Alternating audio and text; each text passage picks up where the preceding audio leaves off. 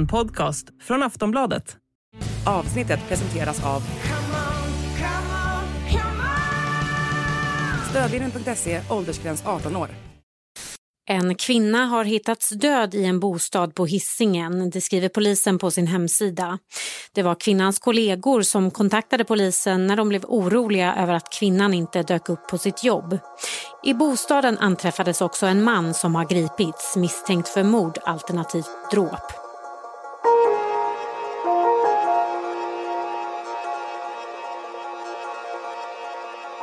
Hon var känd för att vara väldigt ordningsam. Någon som alltid brukade höra av sig om det var något. Därför blev kollegorna oroliga och anade att något var fel när kvinnan inte dök upp på jobbet den här måndagsmorgonen. Hennes chef och en kollega åkte hem till henne och ringde på. Men den som öppnade kunde inte ge några begripliga svar. Han var klädd i en rock och pratade som i slow motion och tycktes ha intorkat blod på sina händer. Det här är Tarotmordet, ett avsnitt av podden Aftonbladet Krim. Jag heter Anders Johansson.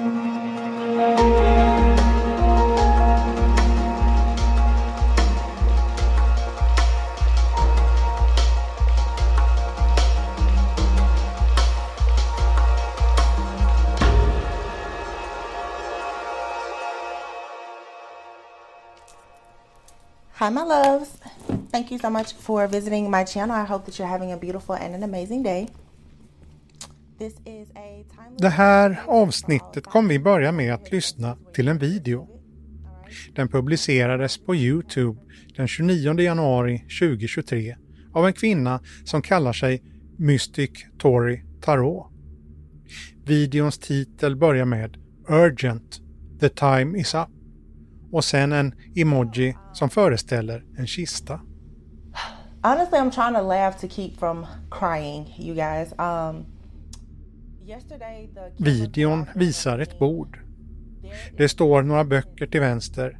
Bredvid dem en guldig skål med en stav i och några buddha-figurer. En av böckerna är en svart bok med gul och vit text och som heter Spirits Unveiled. Eller Andar avslöjade. Mitt på bordet står en stor vas med rosor. Utanför bild till höger sitter en kvinna och pratar. Hon berättar om något som hon nyss varit med om. So in the reading that I did earlier, you can see these flowers here. Nothing is wrong with them. But you see this flower here, how it's sticking out. During the reading, all the petals of the white rose, one of the white roses just fell off just like this. Hon förklarar att hon nyss gjort en läsning. Tolkat framtiden med hjälp av tarotkort. Under läsningen har alla kronbladen från en vit ros fallit av. Hon ger ingen förklaring till varför hon tror att det har hänt utan fortsätter vidare till ett annat ämne. Or maybe it's don't know, it's not the first full moon. Is it the first full moon or new moon? It's the second full moon that's coming up February 5th. Hon säger alltså att det snart kommer bli fullmåne. Den 5 februari. Kom ihåg det här datumet. Videon fortsätter. I bildfånget syns hennes gestikulerande händer, rosorna och bordet. Ibland tar hon fram kort som hon visar. Men fokus ligger på vad hon berättar. Och det hon säger verkar dramatiskt. Det är att fienden, onda andar, attackerar. The details aren't all that important right now. But you do need to know that the spiritual attack that is happening on divine beings right now is very, very serious. The enemy right now is trying to rush in to ensure that everything that is destined for you this year is blocked. These rituals were started last year. Det är inte helt lätt att följa med. Videon är 55 minuter lång och kretsar kring andar, energier, marionettdockor och djävulen. Vissa partier är svårbegripliga men huvudtemat är att det är en attack som pågår just nu. Hon vänder sig flera gånger direkt till lyssnaren och varnar för personer i dennes närhet. Some of you, you have at least about three people around you, and these are wolves in sheep's clothing. They are shapeshifters. They are not who you think they are. And they are planning an attack. There is a serious attack that is planned for a lot of people. It's happening tomorrow or within about the next three to seven days. Okay? I videon förklarar hon att hennes följare måste kämpa emot. Exakt hur man ska göra det framgår inte riktigt. Men hon beskriver vissa av sina följare som spirituella lönnmördare. Some of you we've talked about being spiritual assassins and it's time for you now to get to understand your mission and your purpose. Okay? Gång på gång understryker hon allvaret. Please understand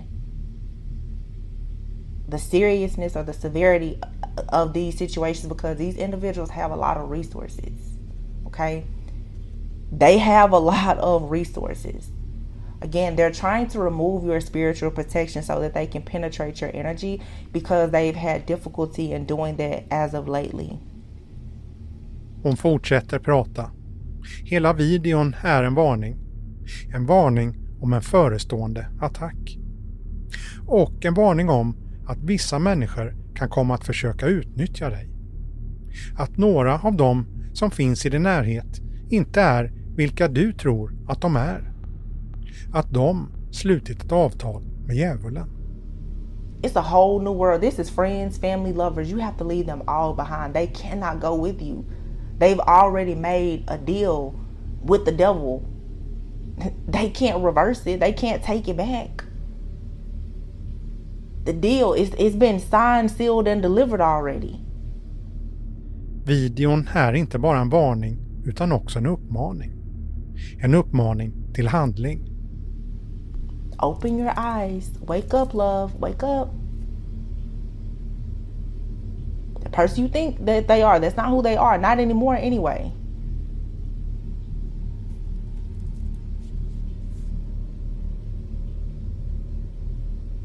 So, a lot of people right now kill them with kindness. En vecka efter att videon laddats upp sätter sig en man framför sin dator. Han är i 30-årsåldern och bor i ett radhus utanför Göteborg tillsammans med sin mamma. Det är den 5 februari och fullmåne den här kvällen. Klockan blir 20.45. Han trycker på play. Några timmar senare är hans mamma död.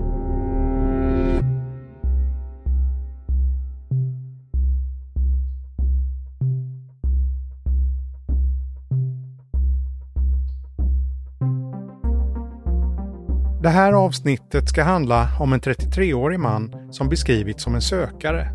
En man som får sina svar uttolkade genom tarotkort och ett kvinnligt medium som säger sig kunna se in i framtiden. Budskap och uppmaningar som förmedlas online och genom videoklipp på Youtube. Det ska också handla om hur de här budskapen får fäste och enligt åklagaren leder fram till ett brott som kan ge lagens strängaste straff. Ett fall som inte fått så mycket uppmärksamhet men som nu ska avhandlas i domstol.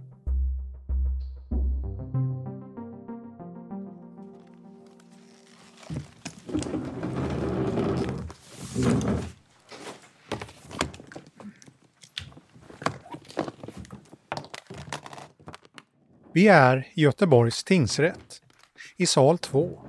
En säkerhetssal med skyddsglas, en trappa ner på det svala källarplanet. Det är den 28 juni och utanför skiner solen ytterligare en dag. Inne i salen ska förhandlingen snart börja och domaren har ordet. Vi ska bara låta alla komma i ordning, sen så ska vi börja förhandlingen. Klockan är strax efter halv tio. Till höger sitter den tilltalade. Han har axellångt mörkt hår och tycks ha rakat av det mesta av det yviga skägg han hade då han greps. Han har vita badtofflor på fötterna, bär häktets gröna kläder och verkar fästa blicken framåt och neråt, som för att inte behöva möta någon annans blick. I sitt knä vilar han händerna. Kriminalvården har inte lossat handbojorna som är fästa runt midjan. Han blundar medan domaren berättar om ordningsreglerna i salen. Tack så mycket. Eh, förlåt, vad var jag? Jo, att ni får inte ha mobiltelefoner på. Eh, och det gäller då alla utom de som är, som är journalister. Och får tillåtelse. Vid bordet mitt emot den misstänkte mannen sitter åklagaren och den mördade kvinnans syster, klädd helt i svart med näsduk i ena handen. Den åtalades moster. Hon tycks inte sluta titta på honom. De såg senast vid jul för en trevlig middag med släkten. Då kunde ingen ana vad som skulle hända bara några veckor senare. Efter några minuters formalia får åklagaren Sharzad Rahimi sammanfatta händelsen som det här målet kretsar kring. Och den 5 februari kvällstid så påstår jag att tagit livet av sin mor. I hennes hem, i hennes vardagsrum. Och dödsorsaken här har varit knivhugg i hjärtat.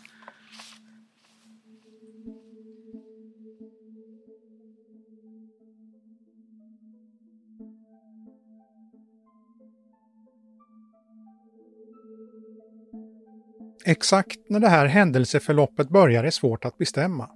Men vi börjar vår berättelse under 2017. Då flyttar vår misstänkte gärningsman till USA. Vi kallar honom Mikael. Han sökte sig allt mer till spirituella grupper. Olika grupper som han fått kontakt med på nätet. Han anslöt sig till grupper som levde utanför samhället. Som jag påstår är sektliknande grupper. Under en del av den här perioden bor Mikael i Georgia. Mycket tyder på att han är hemlös under perioder och bor på gatan. Han brukar narkotika och verkar bli allt mer uppfylld av konspiratoriska tankegångar. Tankar som involverade Gud, mörker, en mening, en världsordning och tankar som svävade iväg till att allt mer tänka att någon är ute efter honom, någon i hans närhet. Han bor i USA i fem år. Exakt vad han gör under de här åren vet vi inte men i september 2021 händer något. Under tiden i USA finns också uppgifter på att knivhugg en person. Att han satt frihetsberövad för det i USA i flera månader. Ja, under hösten 2021 grips Mikael misstänkt för aggravated assault. Omständigheterna kring fallet är otydliga. Men vi vet att han vill komma ut ur häktet och sen hem till Sverige. Han ville betala borgenssumman för att få komma hem i avvaktan på rättegång. Hans mamma kliver in och ombesörjer betalningen. Efter några månader, i april 2022, släpps han. Och i juni 2022 så blir han faktiskt på ett sätt utvisad från, U från USA då hans visum hade löpt ut. Och han återvände till Sverige i augusti 2022. Mikaels tid i Sverige blir sen kantad av problem och psykisk ohälsa. Den 30 oktober på kvällen så kommer det in ett larmsamtal om en påverkad man som i större delen har suttit vid en rondell. Mannen i rondellen är Mikael. En patrull skickas till platsen och efter ett tag promenerar han själv därifrån. Men kort senare är det dags igen. Dagen efter, den 31 oktober, tidigt på morgonen kommer ett nytt samtal. En annan inringare som beskriver en man som står och stirrar upp i en gat gatulykta och pratar för sig själv. De här två incidenterna leder till att Mikael blir tvångsintagen. Personalen upplever honom som psykotisk. Där befinner han sig till den 2 december när han skrivs ut. Under den här månaden får han några permissioner. Han tillbringar dem tillsammans med sin mamma men hon verkar delvis skrämmas av att träffa sin son. Det kommer här också fram uppgifter att har uppträtt aggressivt och att är rädd för Bara dagar efter att Mikael skrivits ut ringer hans mamma polisen. Hon är orolig och säger att hennes son försvunnit. Polisen skriver i sin rapport. Mamma är orolig för sin son som sagt att han ska till Vättlefjäll och vara utomhus något några dygn. Han vill känna sig fri. Mamma blev orolig när sonens ryggsäck hittades i backen. En tid senare verkar han komma hem igen. Veckorna går. I januari åker han till Amsterdam. Det är oklart vad syftet med resan är, vad han gör där, vem han åker med och om han träffar någon där. Men han befinner sig där i fem dagar. Under veckorna efter Amsterdamresan bor Mikael hemma hos sin mamma igen. Vad Mikael gör de här veckorna vet vi inte exakt. Men vi vet att han tillbringar tid på nätet. Det finns ett genomgående tema för sidorna han besöker. Eh, och det är som jag nämnde väldigt många spirituella sidor. Tarotsidor, spådomar, människor som uppger sig vara profetiska, kallar sig utvalda av Gud för att guida besökaren i sitt sökande, olika medium. Han köper också saker på nätet. Bland annat spådomar via tarotkort. Men också en bok som enligt åklagaren är viktig i det här fallet. Den här boken är särskilt intressant. Den heter Spirits Unveiled. Under den här perioden tycks Mikaels kontakt med sin mamma bli allt knepigare. När de träffas pratar han inte med henne. Utan den enda kommunikationen han har med henne sker genom att han skriver lappar. Åklagaren läser upp en av lapparna som Mikael skrivit. Ge mig fem dagar till. Vad väntar du på? Står det på den lappen. Mot slutet av januari upplever Mikaels mamma att situationen förvärras. Hon sover inte hemma under flera nätter utan hos en vän. Hon vågar helt enkelt inte sova hemma. Den näst sista dagen i januari görs en sökning från Mikaels dator som sticker ut. Den 30 januari kommer en särskilt intressant sökning också. Söker på månfaser på Google. Jag kommer komma tillbaka till vad det här betyder. Under början av februari fortsätter Mikael besöka sidor med spirituellt innehåll. Han tittar på videoklipp på Youtube med tarotläsningar och köper saker. Mikael går även till en blomsteraffär som ligger i närheten av hans mammas bostad. Och den 3 februari köper 10 stycken färska rosor. Ett till synes helt vanligt köp i en blomsteraffär. Men enligt åklagaren är köpet en del i en planering inför det som komma skall. Det är alltså två dagar innan den här gärningen.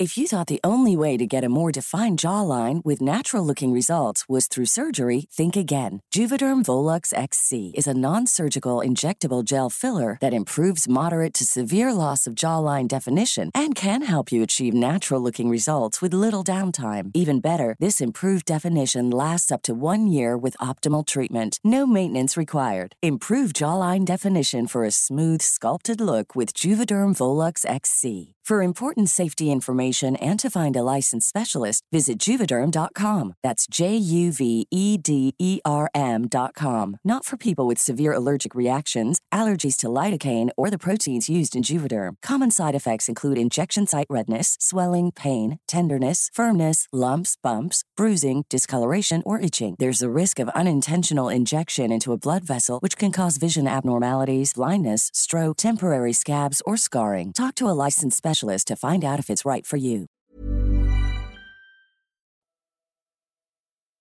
Vi ska snart återvända till händelserna i början av februari som det här avsnittet kretsar kring. Men vi gör en kort avstickare. Mikael var alltså intagen för tvångsvård under fyra veckor. Han ville inte läggas in, inte ta några mediciner. Han var paranoid och litade inte på personalen. Framförallt litar han inte på kvinnor. När han skulle ges en injektion med medicinen motsatte han sig att en kvinnlig sjuksköterska skulle ge honom den. Istället fick en manlig sköterska tillkallas. Mikael var så våldsam att han fick brottas ner på golvet och bältas i tre, fyra timmar. Det här framgår i polisens utredning. Men allt eftersom blev Mikael bättre och tog sina tabletter. Han skrevs ut när han bedömdes vara stabil och blev hämtad av sin mamma. Han fick med sig mediciner hem, liksom en tid för återbesök vid öppenvården. Men Mikael tog inga mediciner. Och han gick inte till öppenvården. Hur gör man egentligen en riskbedömning i ett sånt här fall? Vi ringde upp Axel Haglund, överläkare, specialist i psykiatri och rättspsykiatri på Rättsmedicinalverket och som även är forskare. Han vill inte uttala sig om det specifika fallet, utan är noga med att han här bara uttalar sig generellt.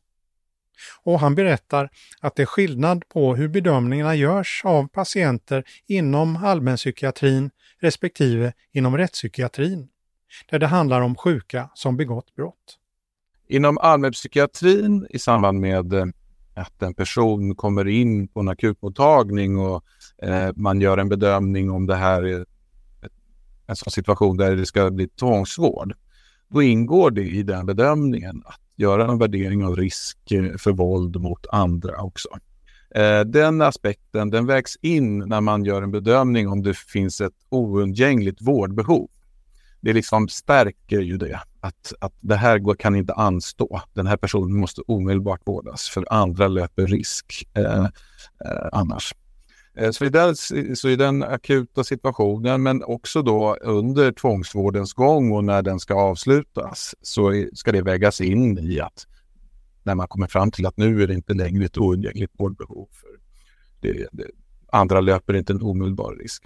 Men där kan man tala om en ganska så, vad ska man säga, risk som eh, färskvara ganska mycket. Alltså att det, före, det, det ska vara en liksom beaktansvärd risk som föreligger här och nu det är inte en teoretisk risk eh, om att något kommer ske om eh, flera månader eller så. Eh, så, så den typen av, eh, och, och där, där skiljer sig då bedömningarna som görs inom rättspsykiatrin åt eh, på det sättet att Eh, för personer som, har, eh, som, som döms då till rättspsykiatrisk vård med särskild utskrivningsprövning, där är det här med risken för återfall i i allvarlig brottslighet som det heter. Det är liksom en central del som, eh, som man ständigt jobbar med att liksom sänka risken men också då utvärdera hur det har gått och eh, det blir så att säga förutsättningen för att kunna bli utskriven. Hur går det till den här bedömningen så att säga? Den riskbedömning som görs då, den, den handlar ganska mycket om här och nu. Vad har kommit fram? Är det någon hotbild som, som har som kommer fram vid den här bedömningen. Eh, där man får kännedom om att eh, den här personen har tankar på att skada någon annan till exempel. Då. Så att, eh, det, det, och då, då, handlar det ganska mycket om liksom vad som finns för handen just nu som talar för att det här, här kan ja, bli, bli, bli våld. Då. Eh, men det brukar inte göras, eh, man, man, man, samlar in och dokumenterar på ett strukturerat sätt. Men det brukar inte vara att man plockar fram en manual och sätter sig ner och eh, går igenom eh, liksom strukturerat. Sånt tar tid och det, det gör man inte på akutmottagningar. Och på, på en akutmottagning eller sen senare när det är dags för utskrivning så att säga, man ska skickas hem med sin medicin, eh, personen har blivit stabil så att säga. Eh,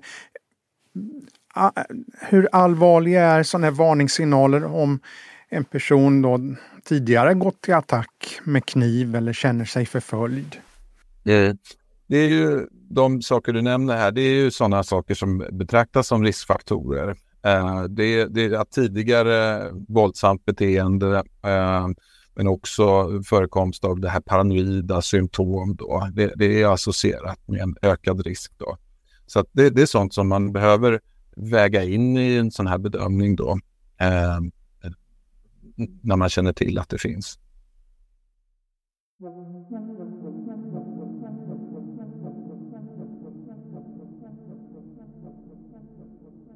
Vi är tillbaka i februari 2023.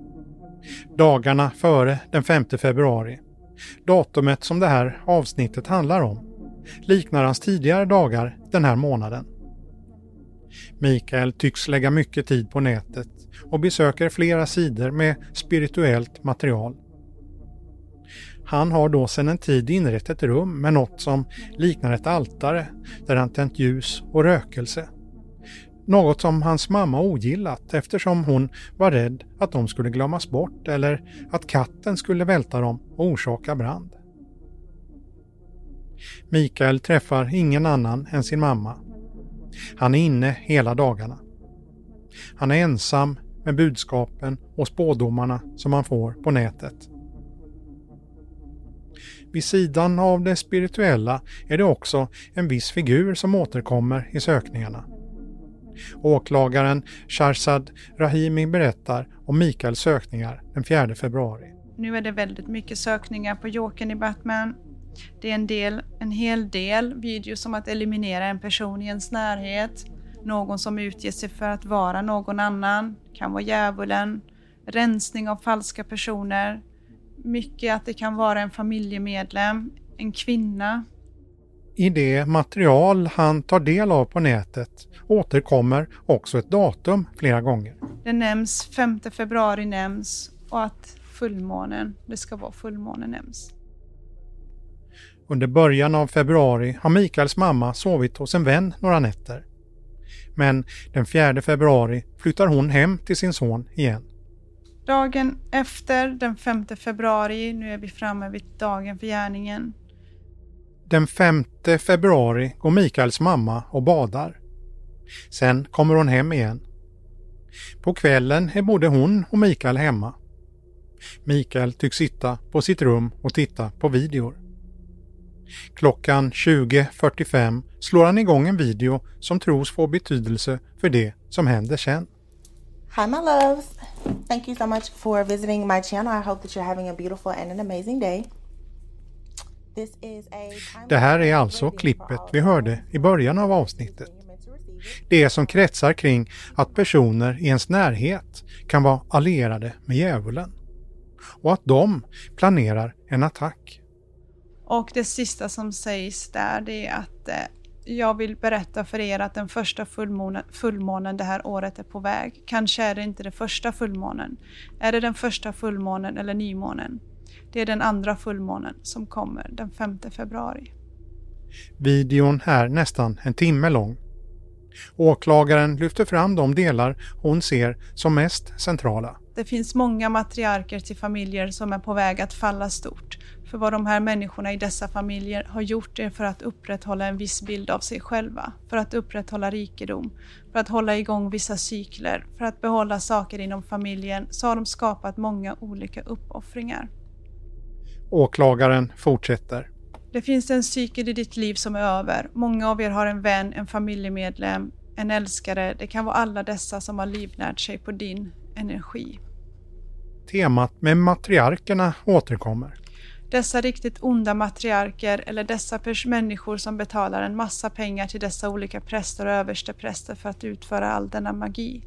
Någon är på väg mot ett ordentligt syndafall. Det är alltså den här videon Mikael slår igång kvart i nio på kvällen den 5 februari. Det är alltså det sista som jag nämnde titta på innan själva händelsen. Detaljerna kring vad som händer sen känner vi bara till eftersom Mikael själv berättat om dem i ett första förhör. Det är nu mordet äger rum. Mikael ska ha gått från sitt rum och ut till mamma. Han ska sen ha börjat agera på ett sätt som skrämt henne.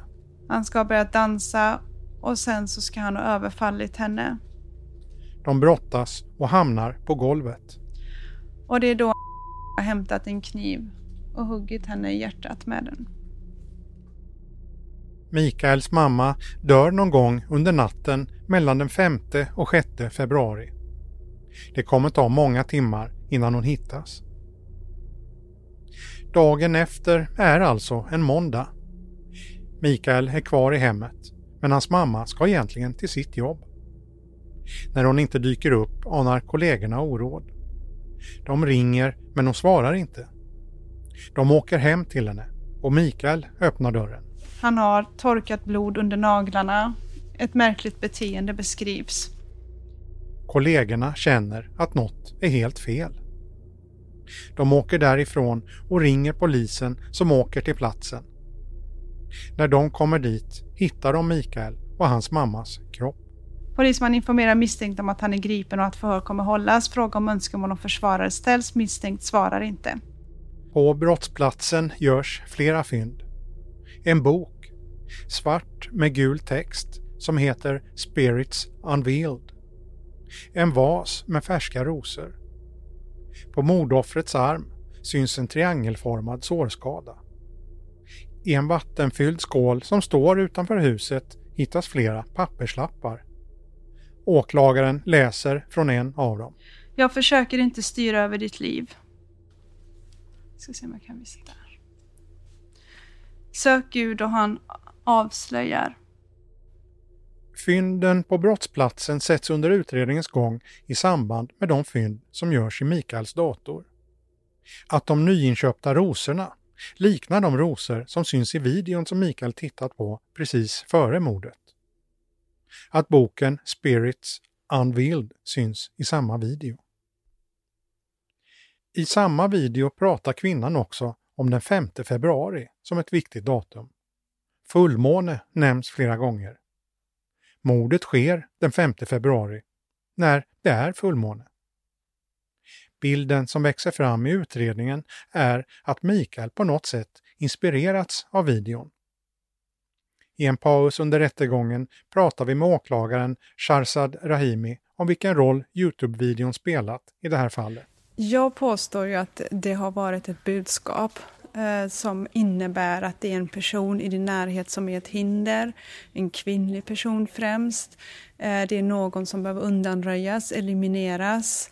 Eh, och det finns också liknelser, till exempel en, finns precis samma bok som finns i en av filmerna, står på soffbordet, upptäcks dagen polisen griper den tilltalade.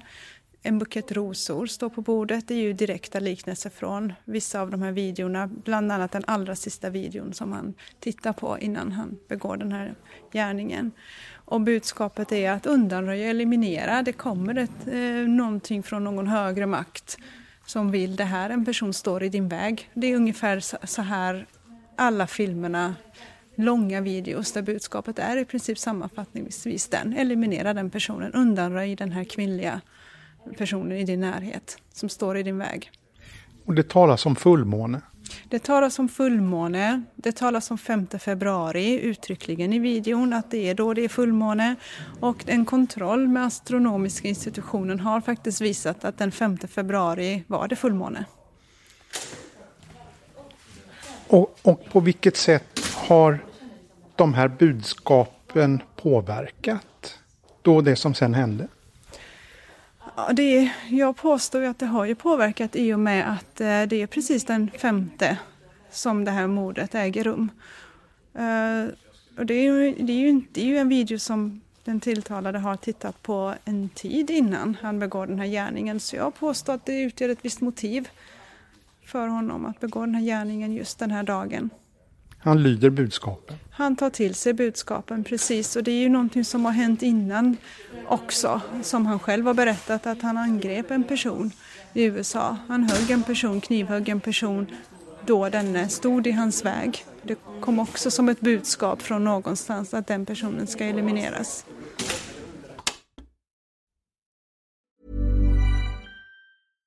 Hej, jag Ryan Reynolds. At Mint Mobile, we like to do the opposite of what Big Wireless does. They charge you a lot, we charge you a little. So naturally, when they announced they'd be raising their prices due to inflation, we decided to deflate our prices due to not hating you. That's right. We're cutting the price of Mint Unlimited from $30 a month to just $15 a month. Give it a try at mintmobile.com slash switch. $45 upfront for three months plus taxes and fees. Promote for new customers for limited time. Unlimited more than 40 gigabytes per month. Slows. Full terms at mintmobile.com. Hur den misstänkte gärningsmannen, Mikael, ställer sig till anklagelserna är svårt att veta. I det första ordentliga förhöret i utredningen säger han rakt upp och ner att han dödat sin mamma. Men i nästa förhör har han slutat prata. Och så fortsätter det. Månad efter månad. Fråga efter fråga bemöts med tystnad. I några av förhören antecknar utredarna att Mikael ler när han hör vissa frågor. När de säger att han är den enda som kan hjälpa dem att förstå vad som har hänt, ler han, men fortsätter vara tyst. Även i rättssalen sitter han tyst. Det här innebär att vi inte riktigt vet hur den misstänkte ställer sig till anklagelserna. I rätten säger advokat Martin Bjurenlind att hans klient inte kan avge någon inställning. Han kan varken erkänna eller neka till brott. Men han står ändå fast vid vad han sagt i det enda förhöret han medverkat i. Att han dödat sin egen mamma. Men han kan inte förklara varför det sker riktigt. Utan det händer det som händer men, men eh, det kommer väl bli den stora frågan för domstolen här. Att eh, utröna eh, min klients medvetandegrad vid det läget och då om han har varit medveten vilket uppsåt han i så fall har haft. För som jag sa tidigare så, så talar ju allt i den här förundersökningen på att det varit ett väldigt gott, nästan ett jättebra förhållande mellan, mellan och hans mamma. Så det gör det ju extra tragiskt såklart. Hur ser han på det som har hänt nu? Eh, han har inte uttalat sig om det överhuvudtaget, så där, där har jag ingen kommentar tyvärr. Men om det är hans vilja att det var rätt som det blev så att säga? Nej, han har inte uttalat sig om de frågorna alls. Hade det här kunnat undvikas på något sätt? Jag vet inte, det är svårt att spekulera i det. Eh, kanske om fått mer vård. Eh, han har ju fått vård tidigare för psyk psykisk ohälsa av olika slag. Så möjligen hade det kunnat göra det, men det är svårt att spekulera i.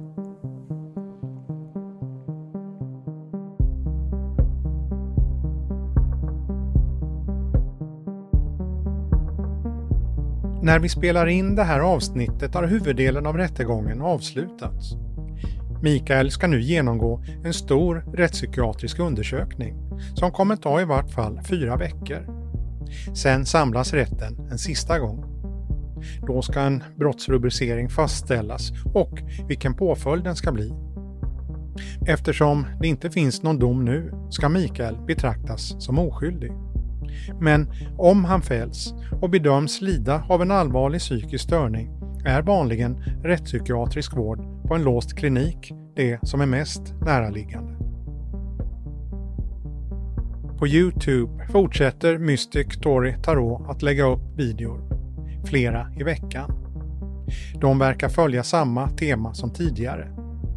Många beskrivs innehålla brådskande budskap. Hon varnar för demoner, att familjen är ute efter blod eller att någon i din närhet är ute efter hämnd.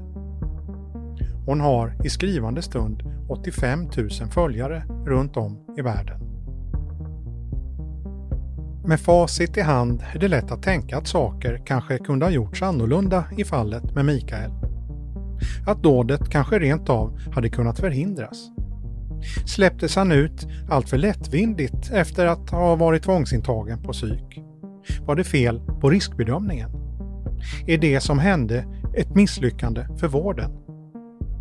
Vi återvänder till överläkaren och psykiatern Axel Haglund vid Rättsmedicinalverket som berättar hur han resonerar rent generellt i sådana här fall.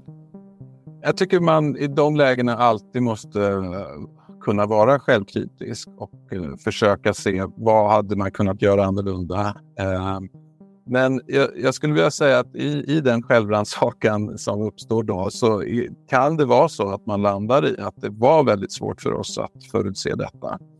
Eh, det, det, det, är en möjlig slutsats i, i, en sån process, men man ska definitivt ställa sig den, de frågorna och, eh, och eh, fundera på eh, Finns det någonting vi hade kunnat tänka annorlunda här? Men när man, när man sitter i, efter en sån här händelse, då är det klart att då ser man ju allting på ett annat sätt och ett annat ljus. Och, eh, det, det, och, och självfallet önskar man ju att man på något sätt hade kunnat förhindra eh, det som hände då.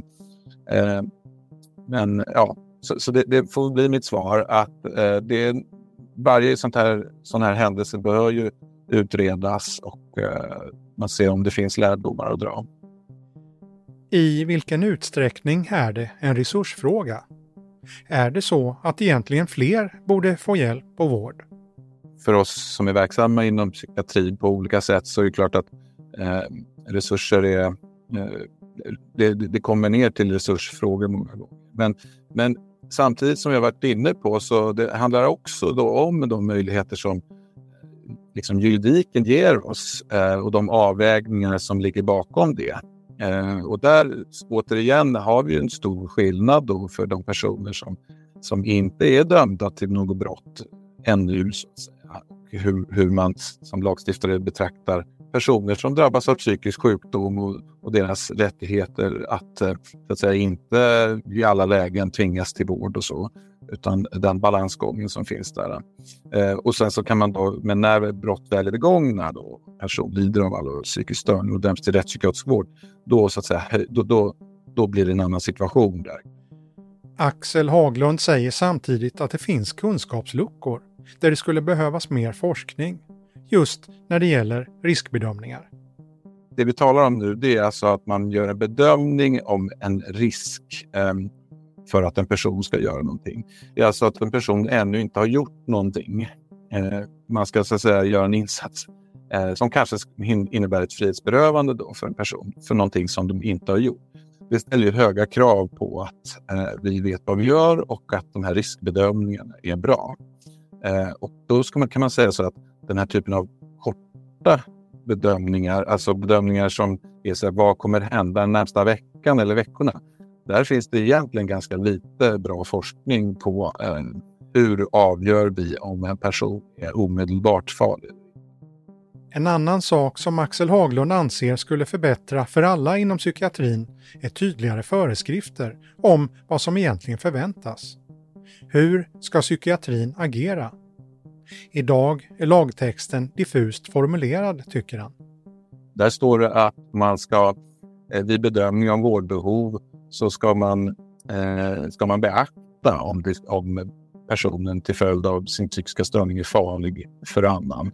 Det, det står egentligen inte preciserat där om, om ja, farlig, vad, vad, vad innebär det? Eh, farlig över hur lång tid? Enligt Axel Haglund kanske det behövs en lagändring. Eh, ja, eller preciseringar om vad, vad som förväntas av oss inom psykiatrin. Eh, det, det, det, det är sånt som föreskrifter till exempel eh, från Socialstyrelsen skulle kunna kanske hjälpa, hjälpa för vägledning inom det här.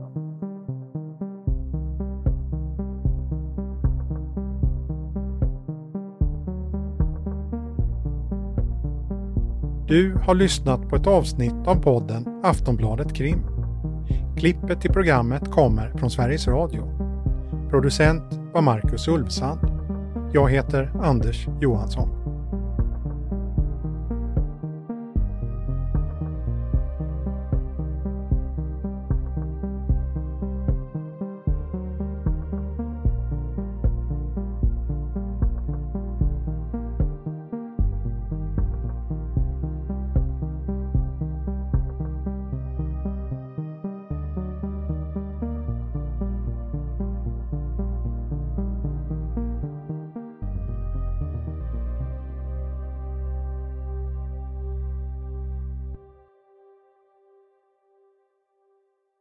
Du har lyssnat på en podcast från Aftonbladet. Ansvarig utgivare är Lena K Samuelsson.